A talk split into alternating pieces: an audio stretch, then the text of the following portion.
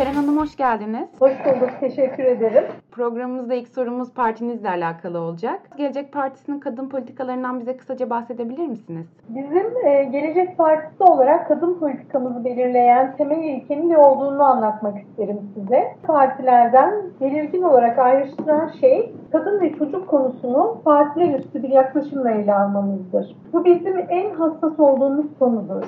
Bunu defalarca kamuoyuna gerek bizler gerekse genel başkanımız düzeyinde yaptığımız açıklamalarda belirttik. Gelecek Partisi olarak hangi dünya görüşünden ve hangi siyasi partiden olursa olsun kadınlara yönelik sözlü veya fiziki saldırılar karşısında tepkimizi daima gösterdik. Tavrımızı da net olarak ortaya koyduk. Kurulduğumuz günden bugüne kadar. Hangi siyasi görüşten, hangi düşünsel iklimden olursa olsun bütün saldırı, saldırılar karşısında saldırı mağduru kadınların yanında olan koşulsuz tavır sergileyen tek partiyiz. Bizim bakış açımıza göre kadın ve çocuk konusu asla ve asla iç politika malzemesi yapılamaz. Bizim ülkemize göre kadınların sorunları popülist bir dille tartışılamaz. Kadın onuruna saygı bizim temel ilkemizdir. O zaman daha geniş bir soruyla devam edelim. Yani ikinci sorumuz daha geniş olacak. Hatta siz de şiddet mağduru kadınlar için gönüllü avukatlık da yapıyorsunuz Seren Hanım bildiğim kadarıyla. Yanlış değilse. E, mevcut Türkiye koşullarında kadınların durumunu isteyeceğim sizden. Bunu hani toplumsal minvalde de değerlendirebilirsiniz. Eğitim, okur yazarlık gibi başlıklarda. Geniş anlamda mevcut Türkiye koşullarında kadınların durumunu bize anlatabilir misiniz? Türkiye'de kadınların durumunu nasıl anlatabilirim? E, mevzuatımızda genel olarak kadın ve erkeğin eşitliğini sağlamaya yönelik birçok düzenleme yapıldı. En ayrıntılı, ayrıntılı olan düzenleme iş kanununda yapılan düzenlemeler. İş kanununda kadın erkek eşitliğinin sağlanması amacıyla 5. maddede bazı değişiklikler yapıldı. Ayrıca kadın çalışanlara kadın olmalarından dolayı sağlanan bazı haklar genişletildi. Eşitlikle ilgili olarak çok önemli olduğunu düşündüğüm bir örnek vermek istiyorum. Kanuna göre işveren işe alınma sırasında kadın adaylara hamile olup olmadıkları veya çocuk sahibi olmayı planlayıp planlamadıklarını soramayacak. Artık böyle bir sorun cinsiyet ayrımcılığı, ayrımcılığı olarak kabul edilecek. Sadece işin niteliği hamileliğe zarar verecek mahiyette ise bu durumda işveren bu tür sorular sorabilecek. Az evvel size belirttim. Gerek iş kanununda gerekse mevzuatta kadın erkek eşitliğini sağlamaya yönelik düzenlemeler yapıldı, yapılıyor. Ancak şöyle bir hakikat de var. Türkiye'de hala okuma yazmayan, yazma bilmeyen 2 milyona yakın kadın var. Okuma yazma bilmeyen kadın nüfusunda hala dünyanın oldukça gerisindeyiz. Önceki yüzyılda tam 100 yıl boyunca nüfusun okullaşması için çaba gösterdik. Sonuncusu 2007'de olmak üzere ulusal düzeyde 6 büyük okuma yazma kampanyası düzenledik. Böylelikle okur yazar oranı %96-97'lere kadar yükseldi. Bu önemli bir gelişme. Gelin görün ki 21. yüzyılda hala okur yazarlık ya da okuma yazma bilmeyen demek daha doğru bir ifade olacak aslında. Hala bu oranda ciddi bir sorun var. Bu okur, kadın okur yazarlığı önemli bir sorun olarak karşımızda, kadınların okuma yazma bilmemesi önemli bir sorun olarak karşımızda duruyor.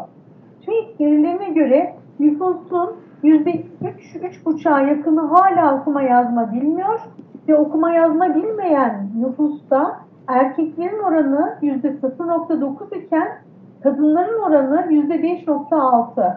İşte Türkiye'de kadınların durumunu ortaya koyan göstergelerden biri de bu okuma yazma bilmeme. Hala 15 yaşın üstünde 2 milyona yakın kadın okuma yazma bilmiyor. Daha kötüsünü söyleyeyim size. Bir araştırma raporunu okumuştum. Hı hı. Okuma yazma bilmeyen kadınların önemli bir kısmı öğrenmek için istekli de değil. Ne diyorlar? ne yapacağım, hayatım mı değişecek diye, diye cevaplıyorlar soru sorulduğu zaman. Bu cevabın arka planında bir çaresizlik var. Okuma yazma öğrenmedeki isteksizlik, okuma yazma bilmemenin bir sorun olarak devam edeceğini de aslında gösteriyor. Özel politikalar uygulandığı, uygulanmadığı sürece hızlı nüfus artışını da göz önünde bulundurduğumuzda okuma yazma bilmeme sorunu varlığını sürdürecek gibi görünüyor. Sonuç olarak Evet, Türkiye'de kadınların birçok alanda sorunu var. Bu sorunlarla ilgili çözüm yolunda da bazı gelişmeler kaydediliyor. Ancak 2 milyona yakın kadının okuma yazma bilmediği bir ülkede Bu sorun da en az diğer sorunlar kadar konuşulmayı ve üzerinde durulmayı hak ediyor. Değerlendirilmesi gereken zorunlu başlıklardan biri kesinlikle katılıyorum size. Yani bu da çok ciddi bir problem. Şimdi eğitim başlığında değerlendirdik. Daha konumuz size yakın konumuzda da değerlendirelim. İş hayatında, siyasette ya da yönetim kademelerinde kadınların temsil oranını soracağım. Aslında yüksek olmadığını biliyoruz. Türkiye'de siyasette temsil oranları kadınların yüksek değil mecliste. Ve kadınların karşısına engeller de çıkıyor. Bu konuda yapılan düzenlemeleri yeterli buluyor musunuz? Yani kota uygulaması sizin için gerekli bir uygulama ya da uygulama mı? Ya da Gelecek Partisi'nde de böyle uygulamalar var mı? Parlamentoda, şirketlerin yönetim kurullarında ya da akademide özellikle karar alma mekanizmalarında daha fazla kadının yer almasını sağlayacak, kadınların yolunu açacak bir düzenleme görmüyoruz, yapılmadı. Sadece bu doğrultuda kadın sivil toplum kuruluşlarının yoğun bir çabası var. Şirketlerde cinsiyet çeşitliliğini yakalayan yani kadın çalışan sayısı ile erkek çalışan sayısı arasında denge olan şirketlerde hatta yönetim kurullarında kadın sayısı yüksek olan şirketlerde performans hemen hemen her alanda daha yüksek. Bu şirketlerde bu şirketlerde yolsuzluk oranı da daha düşük, alınan riskler de daha kontrollü. Yapılan araştırmalar tüm bunları kanıtlıyor. O halde gerek siyasette, gerekse akademide, gerek iş dünyasında kadınların yolunu açan kota, fermuar sistemi gibi zorlayıcı düzenlemelerin aslında vakti geldi de geçiyor bile. Türkiye artık bu düzenlemeleri mevzuatına dahil etmeli diye düşünüyorum. Umuyorum ve diliyorum yasa koyucu kadınların ve kadın sivil toplum kuruluşlarının bu taleplerini daha fazla dikkate alır kadınlara gerek siyasette gerekse iş dünyasında daha fazla alan açılması için mevzuatta etkili değişiklikler ve düzenlemeler yaparlar. Son soruda da asıl öğrenmek istediğim Gelecek Partisi'nin az sonra bahsedeceğimiz yasal düzenlemeleri olan yaklaşımı. Bu anlamda İstanbul Sözleşmesi ve 6284 gibi yasal düzenlemeleri ele alalım istiyorum. Bir de bu yasal düzenlemelerin varlığı ile amaca uygun uygulanması arasında kamuoyunda bir e, farklılık olduğuna dair bir görüş var. Yani bu yasal düzenlemeler var ama amaca uygun uygulanmıyor. Bu konuda ne düşünüyorsunuz? Aynı zamanda Gelecek Partisi'nin bu yasal düzenlemelere olan yaklaşımı politikalarında bu konuya dair bir çalışma var mı? Kadınlara yönelik gündemdeki en yakıcı sorun kadın cinayetleri ve kadına yönelik şiddet maalesef. Gerek İstanbul Sözleşmesi gerekse 6284 sayılı yasayla ilgili Özellikle geçen yıldan bu yana hararetli tartışmalar yaşandı. Sizler de takip ettiniz. Hep birlikte gördük evet. bunu. E, maalesef iktidar partisi İstanbul Sözleşmesi ile ilgili kamuoyunu aydınlatmak, sözleşme aslında ne söylüyor ya da neyi söylemiyor, bunu bu konuda kamuoyunu aydınlatmak yerine sessizce izlemeyi tercih etti. Son yıllarda hemen her konuda olduğu gibi bu konuda da Türkiye kocaman iki kutba ayrıldı ve anlamaktan ziyade taraflar birbirlerini suçlayıcı sözlerle konuyu tartıştı. İşte bu noktada aslında Aile Bakanlığı'nın konuya dair objektif bilgileri kamuoyuna sunması ve sözleşmenin ne olduğunu, sözleşme, sözleşme ile amaçlananın ne olduğunu e, anlatması gerekiyordu. İstanbul Sözleşmesi şiddeti ortadan kaldırmaya yönelik bir rehber metindir. Doğrudan uygulanmaz. Yani uluslararası doğrudan uygulama kabiliyeti yoktur. Sözleşme sadece bir yol haritası belirler. Şunu da kabul etmemiz gerekiyor ki ne bir kanun ne de bir sözleşme şiddetle mücadelede tek başına yeterli değil. Dünyanın en iyi kanununu da yapsanız, kötü uygularsanız kötü sonuçlar elde edersiniz. Şimdi İstanbul Sözleşmesi 6 yıldır yürürlükte. Ama hala sorunlar devam ediyor. Hala şiddet etkili bir şekilde önlenemedi. Üstelik kadın cinayetleri giderek artıyor. Neden? Çünkü sorunların çözümü için bütüncül bir sosyal politika geliştirmemiz gerekiyor. Bunlar eksik olduğu için de sonuç alınamıyor. Bizim kanaatimizce olaylar meydana gelmeden önceki süreç sadece adli yöntemlerle yürütülüyor günümüzde.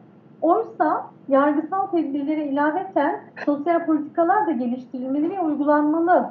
Sadece yasal düzenlemelerden medet umarak veya yasal düzenlemelerle ya da uluslararası sözleşmelerle sonuç alamaz. Bir örnek vermek istiyorum buna. 6284 sayılı kanundan çokça şikayet ediliyor. Uygulamasından çokça şikayet ediliyor. Ancak Bu kanun koruyucu tedbirler konusunda uygulamadan kaynaklanan nedenlerle zayıf bırakıldı. Konuttan uzaklaştırma gibi önleyici tedbirler öne çıktı. Oysa kanunda iki tip tedbir var. Hem koruyucu tedbirler var hem önleyici tedbirler var. Yine 6284 sayılı kanun kapsamında 724 esasına göre çalışacak olan ve tercihen de kadın personelin istihdam edildiği şiddet önleme merkezi adıyla merkezler kuruldu. Bunların kısa adı şön, şönimler. Evet. Bunlar önemli kuruluşlardı aslında. Ancak e, baktığımızda e, bu şönimlerden tam olarak verim alamadığımızı görüyoruz. Şönimler çok daha etkili çalıştırılmalıydı. Maalesef olmadı. Zaten e, sadece şönimlerle ilgili değil, yapılması gereken birçok şey yapılmadığı için toplum travma yaşıyor. Sorunlar çözülemeyince de suçlu aranıyor. Suçlu olarak da 6284 sayılı kanunla İstanbul Sözleşmesi bulundu ve bu ikisi suçlu ilan ediliyor. Oysa biraz önce de belirttiğim gibi sadece kanuni düzenlemelerle yol alamazsınız.